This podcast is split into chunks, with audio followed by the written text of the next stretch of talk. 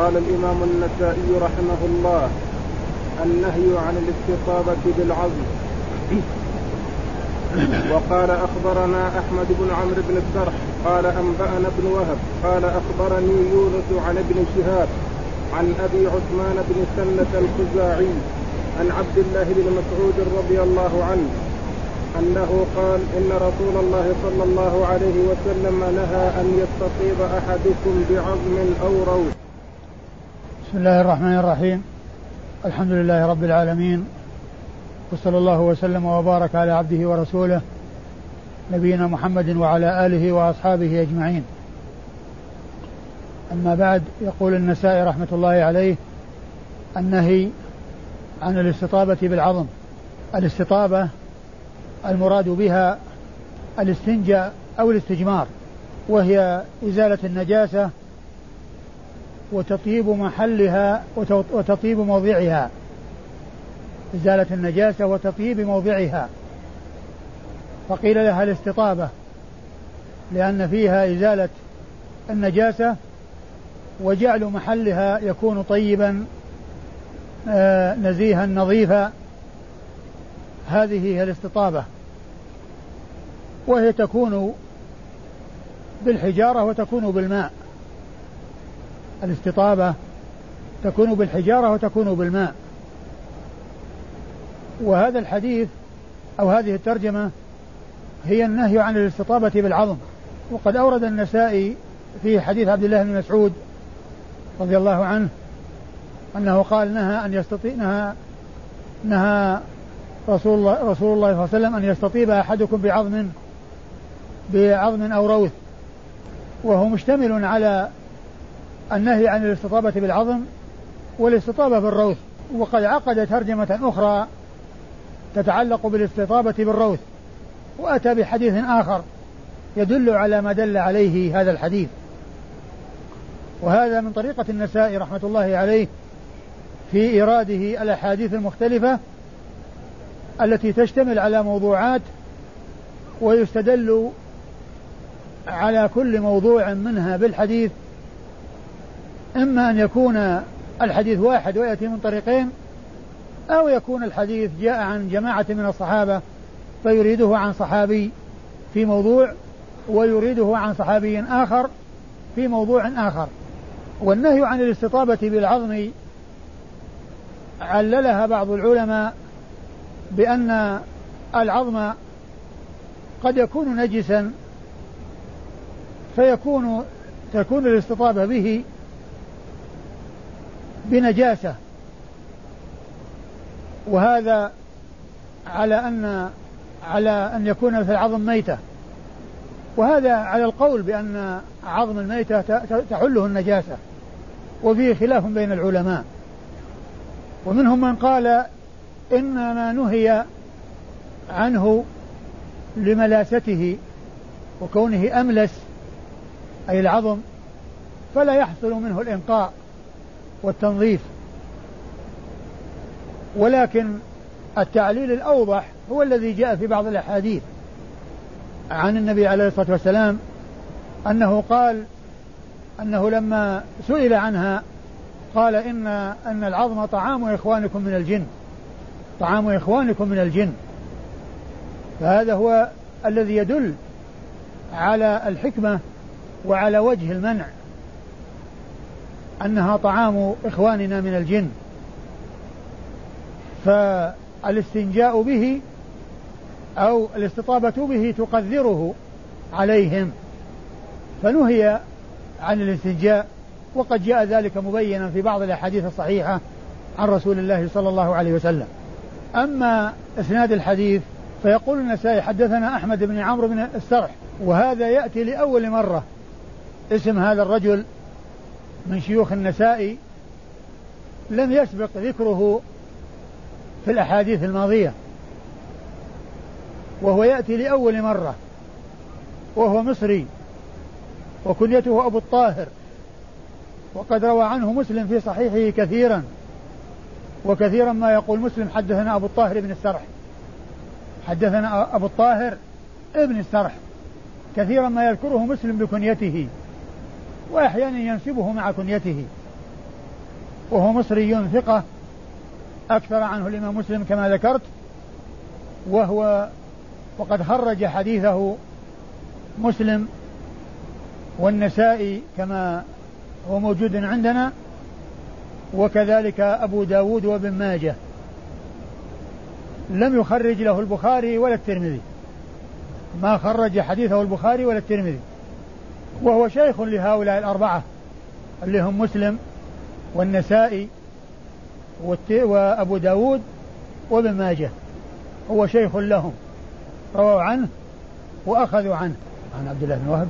أما آه شيخ أحمد بن عمرو بن السرح فهو عبد الله بن وهب المصري المشهور الذي هو محدث وفقيه. وكثيرا ما يأتي ذكره في الأحاديث وكثيرا ما يأتي ذكره في كتب الفقه. فهو ثقة ثبت وهو محدث وفقيه وهو مصري أيضا.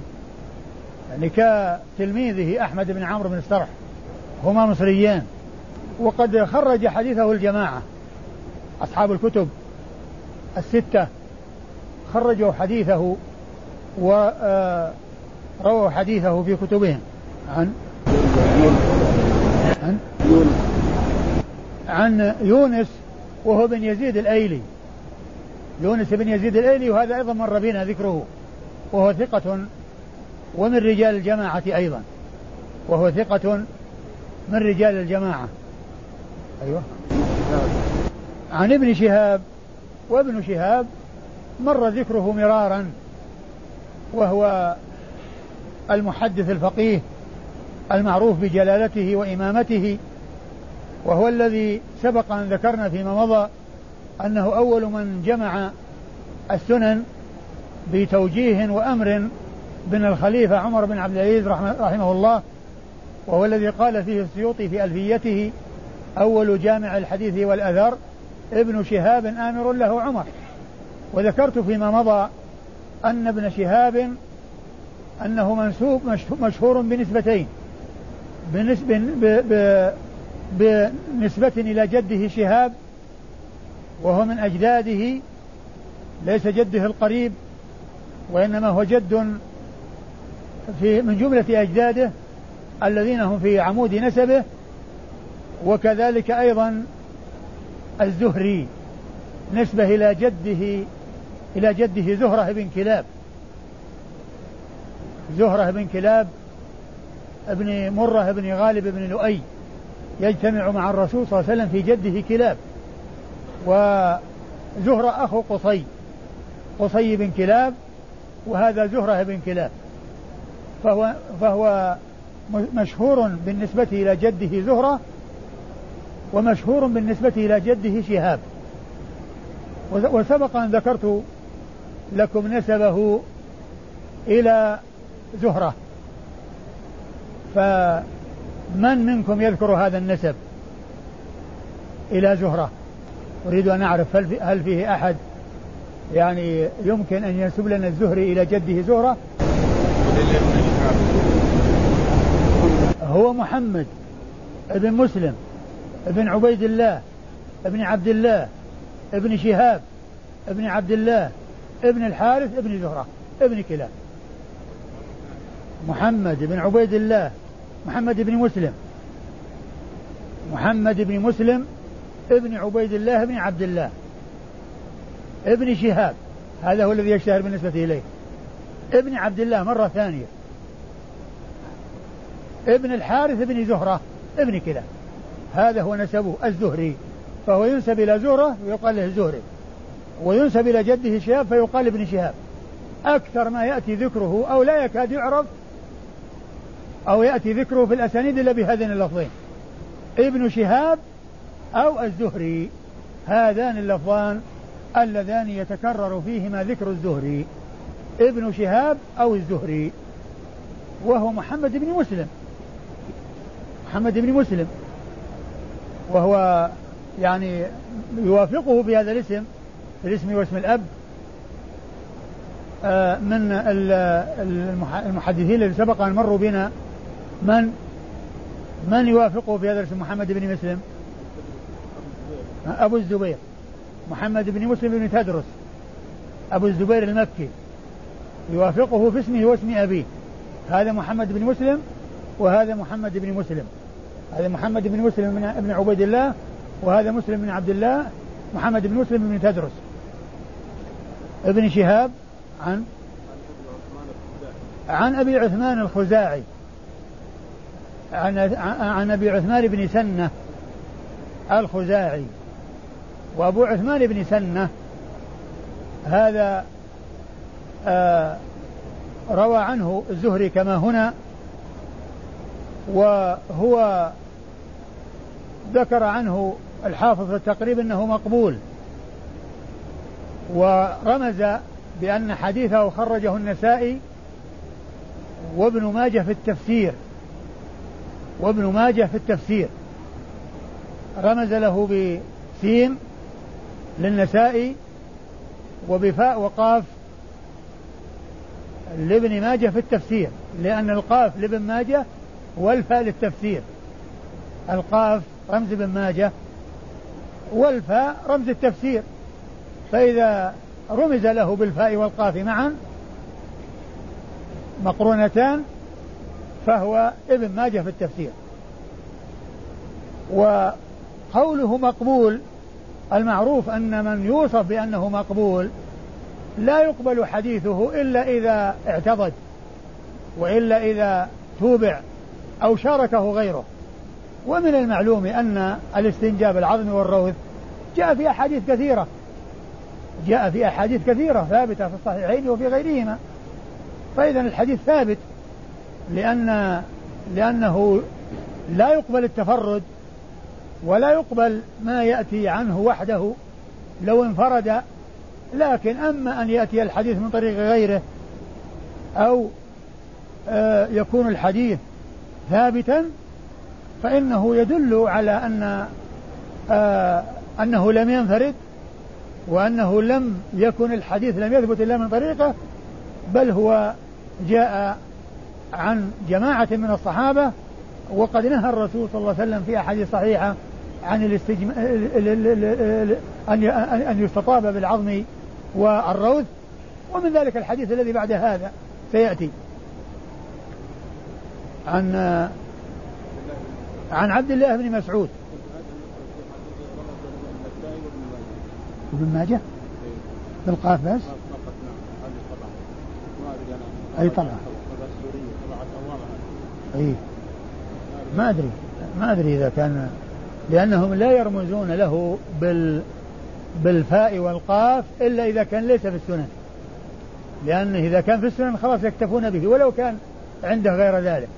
ولو كان عنده في خارجها يكتفون بكونه آه يعني روى له في السنن. لكن إذا لم يروي له في السنن أتوا بالرمز له. أنا ما أدري يعني في يعني هل خرج له ابن ماجه في السنن أما عبد الله بن مسعود فهو ابن غافل الهذلي وهو من هذيل ومن المهاجرين ومن السابقين الأولين وهو من أهل العلم من علماء الصحابة رضي الله تعالى عنهم جميعا. وهو قد خرج حديثه الجماعة وقد ذكر في الخلاصة أن له ثمانمائة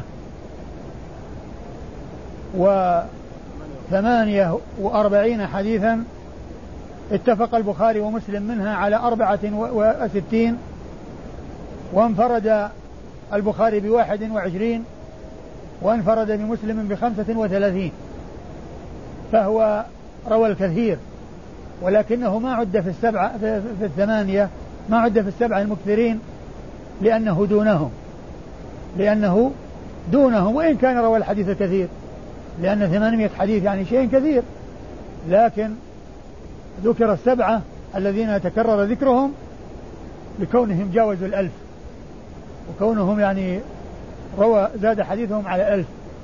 أما ابن مسعود رضي الله عنه فقد روى هذه الأحاديث الكثيرة ولكنه ما عد في من هم بلغوا آه، الغاية في الكثرة حيث جاوز حديثهم الألف. نعم. قال النهي عن الاستطابة بالروث وقال أخبرنا يعقوب بن إبراهيم قال حدثنا يحيى يعني ابن سعيد. عن محمد بن عجلان قال أخبرني القعقاع عن أبي صالح عن أبي هريرة رضي الله عنه عن النبي صلى الله عليه وسلم أنه قال إنما أنا لكم مثل الوالد أعلمكم إذا ذهب أحدكم إلى الخلاء فلا يستقبل القبلة ولا يستدبرها ولا يستنجي بيمينه وكان يأمر بثلاثة أحجار ونهى عن الروث والرمه ثم ورد النسائي هذه الترجمة باب النهي عن الاستطابة الاستطابة النهي عن الاستطابة بالروث. لأن الترجمة السابقة النهي عن الاستطابة بالعظم وهنا النهي عن الاستطابة بالروث. كان بإمكانه أن يقول النهي عن الاستطابة بالعظم والروث. ثم يأتي بالأحاديث التي وردت في هذا وفي هذا. لكنه أراد أن يعني يعدد المسائل الفقهية والمسائل التي يستدل عليها وأن يفرد كل مسألة بحديث. فمن أجل هذا فعل هذا وإلا كان بإمكانه أن يضم لكنه فعل أو هذه طريقته. وكما قلت لكم سابقا هي مثل طريقة البخاري وكتابه كتاب رواية كما أنه كتاب كتاب كما كتاب دراية كما أنه كتاب رواية. فيه فقه وحديث. فيه آه سنة وما يستنبط منها. فيه سنة وما يستنبط من السنة الذي هو الفقه. والفقه في التراجم. ويقولون على البخاري إن فقهه في تراجمه وكذلك يقال في النساء أيضا فقهه في تراجمه بل بل إنه يشبه البخاري في الدقة في في في التعبير وبالدقة في الترجمة وضع الترجمة. ومن أوضح إذا ومن ومن ومما يدل على ذلك ما سبق أن مر من الأمثلة وأوضحها الترجمة التي سبق أن مرت آه الرخصة في العشي في الاستياك بالعشي للصائم. ويورد تحتها حديث لولا أن أشق على أمتي لأمرتكم لأمرتهم بالسواك عند كل صلاة. النسائي أورد حديث عبد آه، أبي هريرة رضي الله عنه في هذه الترجمة. وحديث أبي هريرة يقول فيه النبي صلى الله عليه وسلم إنما أنا لكم إنما أنا لكم مثل الوالد أعلمكم. وهذا قاله النبي صلى الله عليه وسلم تمهيد لما بعده من بيانه للأمور التي هي آداب قضاء الحاجة. والرسول صلى الله عليه وسلم قال إنما أنا لكم مثل الوالد بل هو أعظم من الوالدين صلوات الله وسلامه وبركاته عليه. وهو أحب يجب أن يكون أحب إلى كل مسلم من والديه وأولاده والناس أجمعين. كما ثبت في حديث أنس بن مالك في الصحيحين لا يؤمن أحدكم حتى أكون أحب إليه من والده وولده والناس أجمعين. لا يؤمن أحدكم حتى أكون أحب إليه من والده وولده والناس أجمعين. فهو عليه الصلاة والسلام ذكر أنه قال إنما أنا لكم مثل الوالد أعلمكم. وهو عليه الصلاة والسلام أحرص وأعظم من الوالدين في في التعليم والبيان لأنه أنصح الناس للناس وهو أكمل الناس نصحا وأكملهم بيانا وأفصحهم لسانا صلوات الله وسلامه وبركاته عليه. لكنه قال هذا تمهيد لأن من شأن الوالد أن يكون حريصا على تعليم ولده كل شيء حتى الأمور التي يحتاج إليها مما يستحيا من ذكره. فالرسول صلى الله عليه وسلم بين أنه يبين لهم كل ما يحتاجون إليه. وأن الوالد هذا شأنه أن يحرص على تعليم ولده كل ما يحتاج إليه. ولو كان من الأمور التي يستحيا منها. ومن ذلك ما يتعلق بذكر الحاجة وقضاء الحاجة وما إلى ذلك.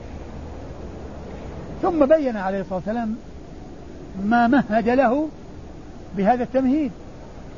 فقال إيش؟ إذا ذهب.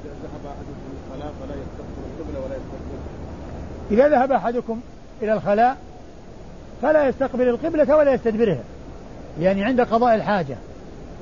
لا يستقبل القبلة يتجه إلى الكعبة وهو يقضي حاجته ولا يستدبرها. وقد مر مرت ال ال الأبواب في هذا الموضوع اللي هو موضوع الاستقبال والاستدبار. لكن المقصود من إيراد الحديث هو ما يأتي من ذكر العظم والرم من ذكر الروث والرمة. لا يستقبلها ولا يستدبرها ولا يستنجي بيمينه. ولا يستنجي بيمينه.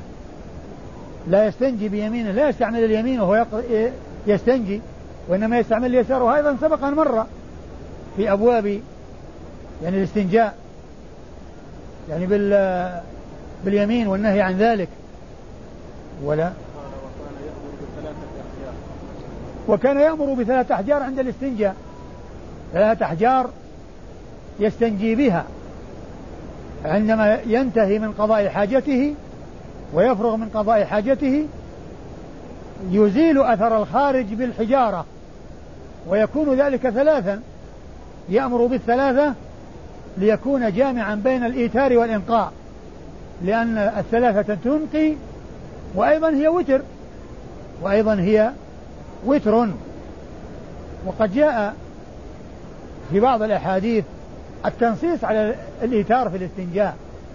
وهنا ذكر أن الاستنجاء يكون بثلاث أحجار لكونها وتر ولكونها تنقي يحصل بها الإنقاء والتنظيف والتطهير والتطيب الذي عبر عنه بالاستطابة. أيوة قال ونهى عن الروث والرمة ونهى عن الروث والرمة وهذا هو محل الشاهد. من الاستنجاء من النهي عن الاستطابة بالروث. ونهى عن الروث والرمة. والرمة هي العظم. وقيل أن المراد بها العظم البالي. العظم البالي. قالوا وإذا كان النهي يعني وإن كان باليا ينهى نهي عنه فإذا غيره من باب أولى. وقد جاء الحديث بالإطلاق ذكر العظم. يعني سواء كان موصوفا بأنه باليا أو غير بالي أو غير بال كل ذلك يدخل تحت العظم المنهي عنه في الاستعمال. وقد عرفنا ما يتعلق بالاستنجاء بالعظم في الباب الذي قبل هذا. أما ما يتعلق بالروث وهو الذي ترجم له في هذا الحديث فقد جاءت أيضا السنة في بيان الحكمة في المنع منه وقال إنها طعام دواب دواب الجن. الحديث الذي ورد فيه أن العظم يعني نهى الرسول نهى عن الاستنجاء بالعظم والروث وقال إن العظم طعام إخوانكم من الجن والروث طعام دوابهم. والروث طعام دوابهم. فإذا التعليل الواضح الذي جاء به الحديث الصحيح أن النهي لحكمة وهي عدم إفساده على الجن إفساد طعامهم عليهم وكذلك عدم أيضا آه، تلويث وتقدير آه، الطعام الذي هو لدواب الجن كما جاءت بذلك السنة عن رسول الله صلوات الله وسلامه وبركاته عليه. العظم البالي يعني العتيق القديم اللي, اللي الذي تآكل ومضى عليه آه، مدة طويلة حتى صار يتفتت هذا هو العظم البالي بعض الناس ينهى مد الرجلين في حال الجلوس وفي حال النوم إلى القبلة، هل له أصل في هذا؟ نعم مد الرجلين عند النوم أو عند الجلوس إلى القبلة، بعض الناس ينهى عن هذا. هذا يعني إيش مناسبته؟ مناسبة لا تستقبل ولا تستقبل. آه الاستقبال والاستدبار بقضاء الحاجة ما أعلم يعني شيء يمنع منه لا أعلم شيء يمنع منه يعني لا عند النوم ولا عند ولا عند الجلوس يعني كون الإنسان يمد رجله إلى القبلة ما نعلم شيء يمنع منه. نعم. قال النهي عن الاكتفاء في الاستقبال. لا الإسناد. أما إسناد الحديث فيقول النسائي أخبرنا يعقوب بن إبراهيم. يعقوب بن إبراهيم هذا تكرر تكرر ذكره فمن هو يعقوب بن إبراهيم؟ الدورقي. ذكرت لكم قريبا وقبل مدة أن أن الدورقي هذا يعقوب بن إبراهيم شيخ لأصحاب الكتب الستة. شيخ لهم كلهم رووا عنه. وذكرت لكم أن هناك شخصين يماثلانه بكونهم شيوخ لأصحاب الكتب ولكونهم ماتوا معه في سنة واحدة وهي سنة 252 252 فمن هما؟ ها؟ محمد بن بشار الملقب بن دار ومحمد بن المثنى الملقب الزمن ومحمد بن المثنى الملقب الزمن فإن هذين مع هذا الذي هو يعقوب كلهم شيوخ لأصحاب الكتب الستة رووا عنهم مباشرة.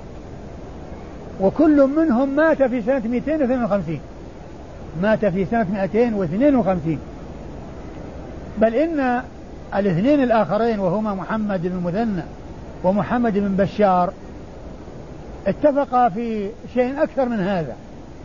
اتفقا في سنة الولادة. وسنة الوفاة واتفقا بالشيوخ والتلاميذ وهم في طبقة واحدة من البداية حتى النهاية. سنة الولادة واحدة وسنة الوفاة واحدة وتشاركوا في الشيوخ وتشاركوا في التلاميذ حتى قال الحافظ بن حجر وكان كفر سيريهان كفر سيريهان. ما واحد تقدم لا في الولادة ولا في الوفاة ولا أيضا في المشاركة في الطلب. كأنهما كفر سيريهان اللي واحد ما واحد يسبق الثاني. يعني كل واحد يعني ماشي مع جوار الآخر. هذا محمد المثنى ومحمد بن بشار وكان كفر سريها مات في سنة واحدة وولد في سنة واحدة. أيوة. أخبرنا يحيى يعني ابن سعيد. أخبرنا يحيى يعني ابن سعيد. يحيى هو ابن سعيد القطان. الإمام المحدث النقاد الذي هو إمام في الجرح والتعديل وقد ذكرت فيما مضى فائدة تتعلق به عن الذهبي ومعه شخص آخر يشاركه فيها. فمن هو شريكه في الفائدة وما هي الفائدة؟ ما؟ نعم. نعم شريكه عبد الرحمن بن مهدي. أيوة نعم يقول الذهبي عنهما في كتاب من يقبل من يعتمد قوله في الجرح والتعديل يقول إنهما إذا جرحا شخصا فهو لا يكاد يندمل جرحه. يعني معناه إذا جرحوه خلاص يعني جرحهم أصاب الهدف. إذا جرح شخصا لا يكاد يندمل جرحه. معناه أن الجرح مصيب أنهم أصاب الهدف. يعني وهذا فيه بيان أو يدل على على يعني تمكنهما وعلى أنهما إذا اجتمع على شخص يعني معناه أنه يتمسك بكلامهما لأن جرحهما لا يكاد يندمل إذا جرحاه واتفق على جرحه. إذا جرح شخصا واتفق على جرحه لا يكاد يندمل جرحه. فهو إمام نقاد. وذكرت أيضا أن هذا الشخص يأتي في طبقته شخص آخر يقال له يحيى بن سعيد. فمن هو؟ يحيى بن سعيد إيش؟ الثاني اللي في طبقته. لأنه من طبقة شيوخ شيوخ أصحاب الكتب الستة. ليسوا من شيوخهم ولكن من طبقة شيوخ شيوخهم. نعم؟ يقول الأموي إيش؟ الأموي. الأموي نعم. الأموي يحيى بن سعيد الأموي. هذا في طبقته. ولكن الإكثار من الرواية عن القطان. ثم أيضا آه، من علامة الأموي أنه يروي عنه ابنه سعيد. إذا إذا جاء في الإسناد حدثنا يعني سعيد بن يحيى قال حدثني أبي يعني المقصود به الأموي. المقصود به الأموي. أو قال سعيد بن يحيى قال حدثنا يحيى بن سعيد فالمقصود به إيش؟ الأموي.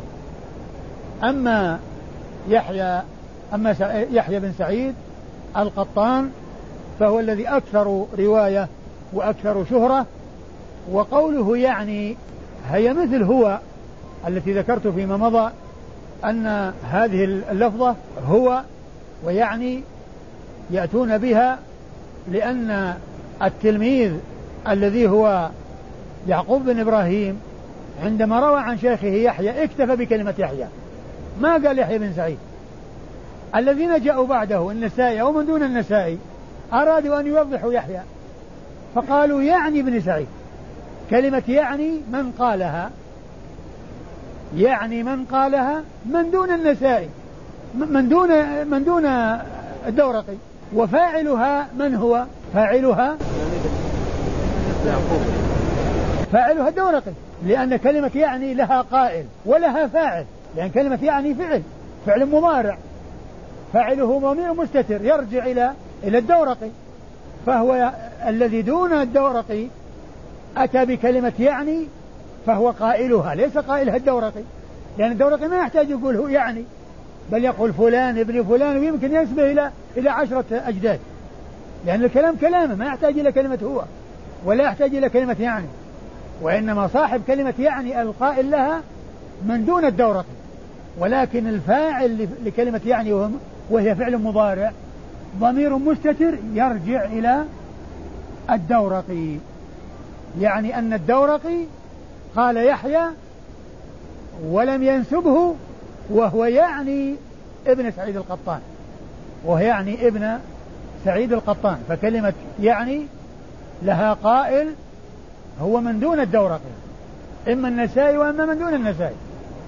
ولها فاعل وهو الضمير المستتر فيها يرجع إلى مرجع فهو فاعلها فاعلها الدورقي. يعني معناه قال النسائي ومن دون النسائي يعني الدورقي بقوله حدثنا يحيى يعني ابن سعيد القطان يعني ابن سعيد. وهو من رجال الجماعة كما سبق أن عرفنا ذلك. يحيى ابن سعيد القطان من رجال الجماعة. عجلان عن محمد بن عجلان. هذا يأتي لأول مرة. ما سبق أن جاء ذكره في الأحاديث الماضية. محمد بن عجلان المدني وهو من الأشياء اللطيفة التي ذكروها في ترجمته. قالوا إن أمه حملت به أكثر من ثلاث سنوات. أمه حملت به أكثر من ثلاث سنوات. بقي في بطنها أكثر من ثلاث سنوات. اللي هو محمد بن عجلان المدني. وهو صدوق اختلف في حديث حديث أبي هريرة. اختلف عليه حديث أبي هريرة. وهذا الحديث من الأشياء التي هي عن أبي هريرة من حديث أبي هريرة. الحديث الذي معنا هو من حديث أبي هريرة. اختلف اختلف إيش؟ اختلط عليه الحديث. إيش؟ اختلط. اختلط عليه حديث أبي هريرة. اختلط عليه حديث أبي هريرة وهذا منه. وقد روى له البخاري تعليقا ومسلم والأربعة. ومسلم والأربعة رووا عنه. ولكن كما عرفنا أن يعني الحديث يعني اللي هو حديث العظم والروث جاء فيه حديث كثيرة. جاء فيها حديث كثيرة ثابتة. فلا يؤثر كونه اختلط في حديث أبي هريرة. عن محمد بن عجلان عن عن القعقاع. القعقاع هذا أيضا يأتي لأول مرة. ذكره في رجال النسائي والقعقاع في رجال النسائي شخصان هما القعقاع بن ابن ابن حكيم والقعقاع بن اللجلاج والقعقاع بن اللجلاج وهما في طبقة متقاربة إلا أن ابن اللجلاج مجهول وانفرد بالإخراج له النسائي وأما ابن حكيم فهو ثقة فهو ثقة فمن هو؟ كيف كيف نعرف؟ هو الاسم مبهم الآن. مهمل ما نسب. والحديث رواه أبو داود ورواه ابن ماجه. وفي أسانيد ابن ماجه لأن جاء عن ماجه من طريقين. وعند أبي داود من طريق وكلها يقول القعقاع بن حكيم. في هذه الطرق الثلاث. طريق عند أبي داود وطريقين عند ابن ماجه. يقول يقولون فيها القعقاع بن حكيم. إذا عرف صاحب المقصود والمعني هنا لأنه القعقاع بن حكيم. القعقاع ابن حكيم. فإذا عرف القعقاع بن حكيم روى عنه البخاري في الأدب المفرد وروى عنه مسلم والأربعة وروى عنه مسلم والأربعة. يعني هو مثل ابن عجلان إلا أن ابن عجلان في الصحيح تعليقا وهذا في خارج الصحيح. روى عنه في الأدب المفرد. كتاب الأدب المفرد هذا كتاب مستقل قيل إنه سمي الأدب المفرد ووصف بالمفرد حتى يتميز عن كتاب الأدب الذي في داخل الصحيح.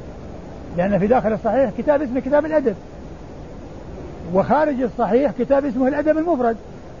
إذا هو كتاب مستقل سماه الأدب المفرد. يعني حتى يتميز عن الأدب الداخل اللي في داخل الصحيح. لأن من جملة كتب البخاري 97 لأن كتب البخاري في صحيح 97 كتاب. أحد أحد هذه الكتب ال 97 كتاب الأدب. فسمي كتاب الأدب المفرد يعني معناه أنه مستقل خارج يعني لا يلتبس بكتاب الأدب في داخل الصحيح. آه القعقاع بن حكيم يروي عن آه آه يروي عنه البخاري في الأدب المفرد. أيوة. وهو ثقة. نعم يروي عن أبي صالح. أبو صالح هل جاء ذكره قبل هذه المرة؟ هل سبق ذكر أبي صالح في رجال النساء فيما مضى؟ أحد يذكر؟ ها؟ هل جاء؟ أنا لا أجزم لكن أقول الظاهر أنه ما جاء. أبو صالح هذا هو السمان ويقال له الزيات. واسمه ذكوان. ذكوان الزيات. ذكوان السمان. وأحيانا يأتي ذكره باسمه فيقال ذكوان. وأحيانا يأتي ذكره بكنيته وهو كثير كما هنا أبو صالح. حدثنا أبو صالح. وأبو صالح الذي يروي عن أبي هريرة اسمه ذكوان ولقبه الزيات أو السمان لأنه يبيع السمن والزيت وكنيته أبو صالح. ويأتي ذكره كثيرا بكنيته ويأتي أيضا باسمه ذكوان. وهو من رجال الجماعة. وهو ثقة حافظ اللي هو ذكوان السمان. أيوه. و وهو يروي وكثيرا ما يروي عنه ابن سهيل سهيل بن أبي صالح لكن لكن البخاري ما خرج لسهيل بن أبي صالح. ليس من رجال ولكن مسلم روى عنه كثيرا. مسلم في صحيح سهيل بن أبي صالح عن أبيه كثير جدا. أما البخاري فإنه ما روى عن سهيل بن أبي صالح. روى عن أبيه كثيرا وما روى عن ابنه سهيل. أما مسلم فقد أكثر من الرواية عن سهيل عن أبيه. سهيل بن أبي صالح عن أبيه موجود بكثرة. وهو يروي عن أبي هريرة وأبو هريرة تقدم جاء ذكره كثيرا فيما مضى وهو أكثر الصحابة حديثا عن الإطلاق. و آه، السبعة المكثرون المكثرون من الصحابة السبعة وأكثرهم أبو هريرة رضي الله تعالى عنه. نعم. ها؟ إيش؟ ابن عمر. كان يكتب ابن عمر ابن عمر وليس ابن عمر ابن عمر. هو نفسه جاء في صحيح البخاري يقول لا أعلم احدا من أصحاب رسول الله أكثر حديثا مني إلا ما كان من عبد الله بن عمر فإنه كان يكتب ولا أكتب. فإنه كان يكتب ولا أكتب لكن يعني أجاب العلماء عن ما وجد من كثرة حديث أبي هريرة وقلة حديث عبد الله بن عمرو مما كان يعني آه، آه، حيث كان دون ما رواه أبو هريرة أجابوا عنه بكثير بأجوبة عديدة. منها أن أبا هريرة كان مقيم في المدينة. كان مقيم في المدينة وكان وكانت المدينة يرد إليها الناس ويصدرون منها. ومن المعلوم أن من كان في المدينة من أصحاب الرسول صلى الله عليه وسلم الناس إذا جاءوا من خارجها إليها أنفس ما عندهم أن يبحثوا عن أصحاب الرسول صلى الله عليه وسلم ويلتقوا بهم ويتلقوا عنهم العلم. فكثر الآخذون عنه وهو أيضا يعني يأخذ عن الصحابة الذين يأتون ومن المعلوم أن مراسيل الصحابة حجة فهو إما يأخذ عن الرسول صلى الله عليه وسلم وكان ملازما من حين أسلم يعني في عام الحديبية في عام خيبر ملازما للرسول صلى الله عليه وسلم في بقية حياته ومقيما في المدينة. وهذا من أسباب وأيضا دعا له الرسول صلى الله عليه وسلم. فقد أجاب العلماء عند شرح هذا الحديث في صحيح البخاري إلى أن الكثرة يعني ال يعني ال لها أسباب منها ما ذكرت ومنها أن الرسول لما دعا له كان يحفظ كل ما يسمعه من رسول الله وما يسمعه من غيره رضي الله تعالى عنه وأرضاه.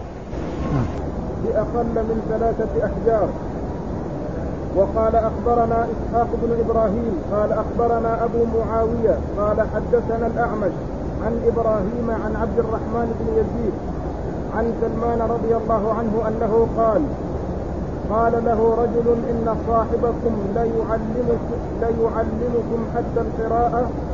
قال أجل نهانا أن نستقبل القبلة بغائط أو بول أو نستنجي بأيماننا. أو نكتفي بأقل من ثلاثة أحجار.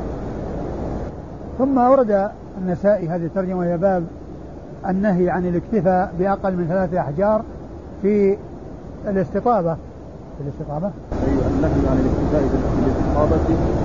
النهي في عن الاكتفاء في الاستطابة بأقل من ثلاثة أحجار. هذه الترجمة عقدها النسائي والحديث الذي قبل قبله مشتمل على ما اشتملت عليه هذه الترجمة أو يدل على ما على هذه الترجمة وهو أن لا أن أن, أن لا أمر بأن يستنجى بثلاثة أحجار. وهنا أورد هذه الترجمة المشتملة على النهي عن الاكتفاء في الاستطابة بأقل من ثلاثة أحجار. وأورد في حديث سلمان أنه قال له رجل إن صاحبكم يعلمكم حتى القراءة وهذا الرجل جاء في بعض الطرق عند ابن ماجه أنه من المشركين وقال هذا على سبيل الاستهزاء أو على سبيل العيب. لكن سلمان رضي الله عنه وأرضاه ما قابل ذلك الكلام بالذم أو التوبيخ بل قابله بالإثبات وأن هذه ممدحة ومحمدة. وهو أن ديننا كامل وأن كل شيء معلمية حتى أدب قضاء الحاجة. ما حصل يعني تقصير في شيء ونقصان في شيء بل الشريعة كاملة غاية الكمال حتى أدب قضاء الحاجة. علمنا إياها رسول الله عليه الصلاة والسلام. الأجل نعم.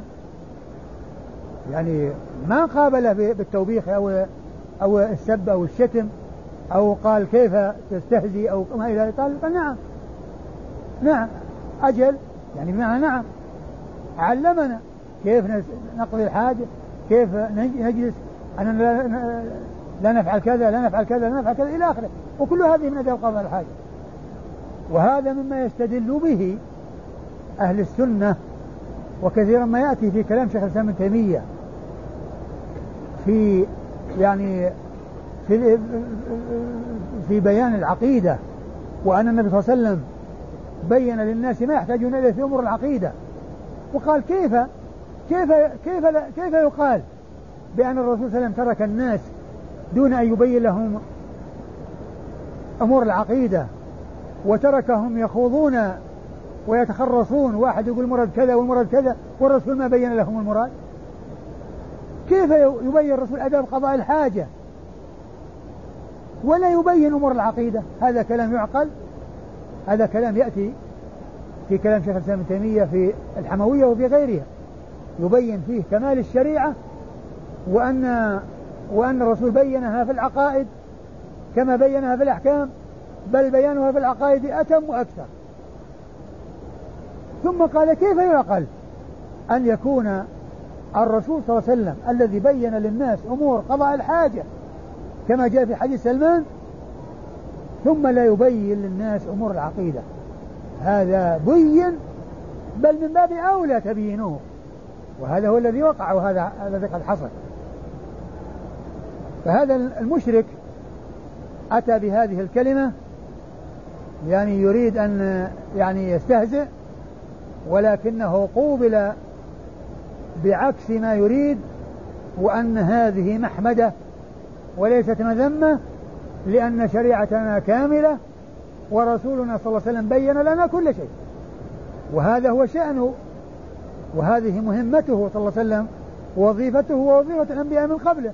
وقد جاء في صحيح مسلم من حديث عبد الله بن عمرو العاص أنه قال ما بعث الله من نبي إلا كان حقا عليه أن يدل أمته على خير ما يعلم لهم ويحذرهم شر ما يعلم لهم ويحذرهم شر ما يعلم لهم. فالرسول صلى الله عليه وسلم بين آداب قضاء الحاجة وكان جواب سلمان رضي الله عنه جوابا حكيما آه يعني عكس ما أراده ذلك المشرك. وقال إن هذه محمدة وليست مذمة.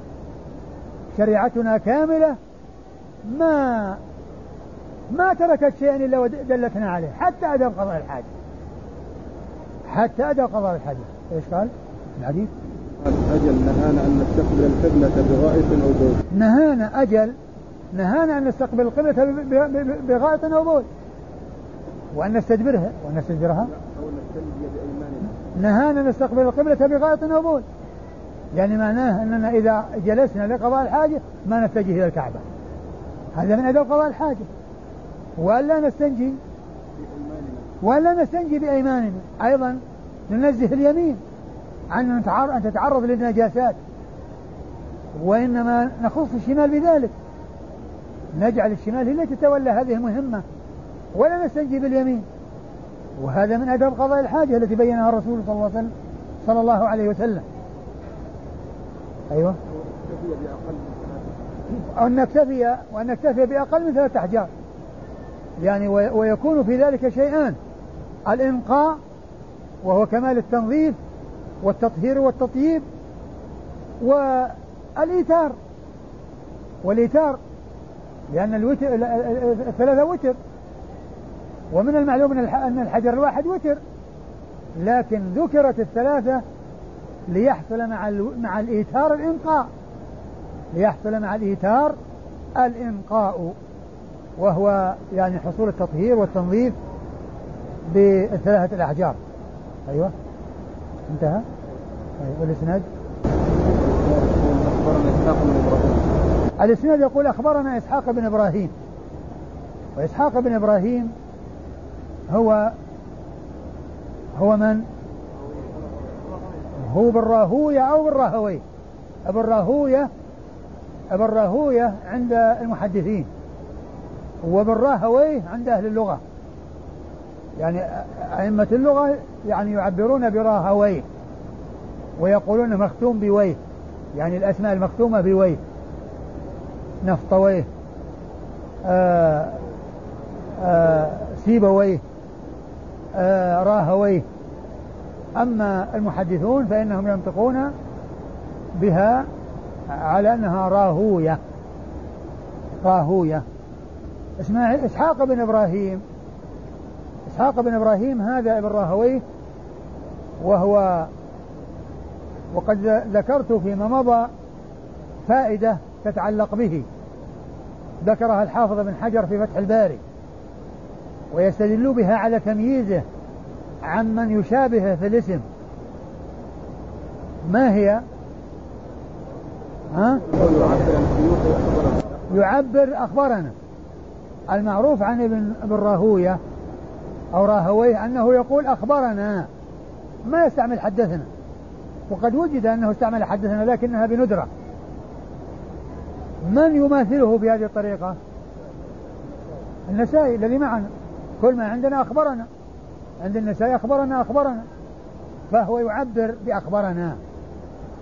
طيب ما الفرق بين حدثنا وأخبرنا عند من يفرق بينها بينهما؟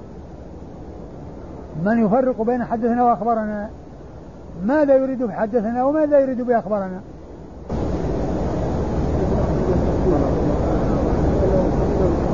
ها؟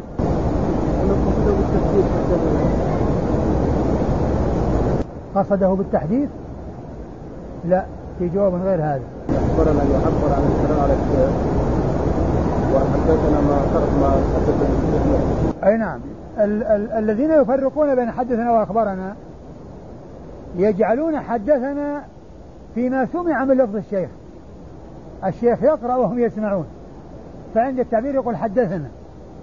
أما إذا كان الشيخ يسمع وواحد يقرأ فالسامعون عندما يتحملون عنه وعندما يروون عنه يقولون أخبرنا.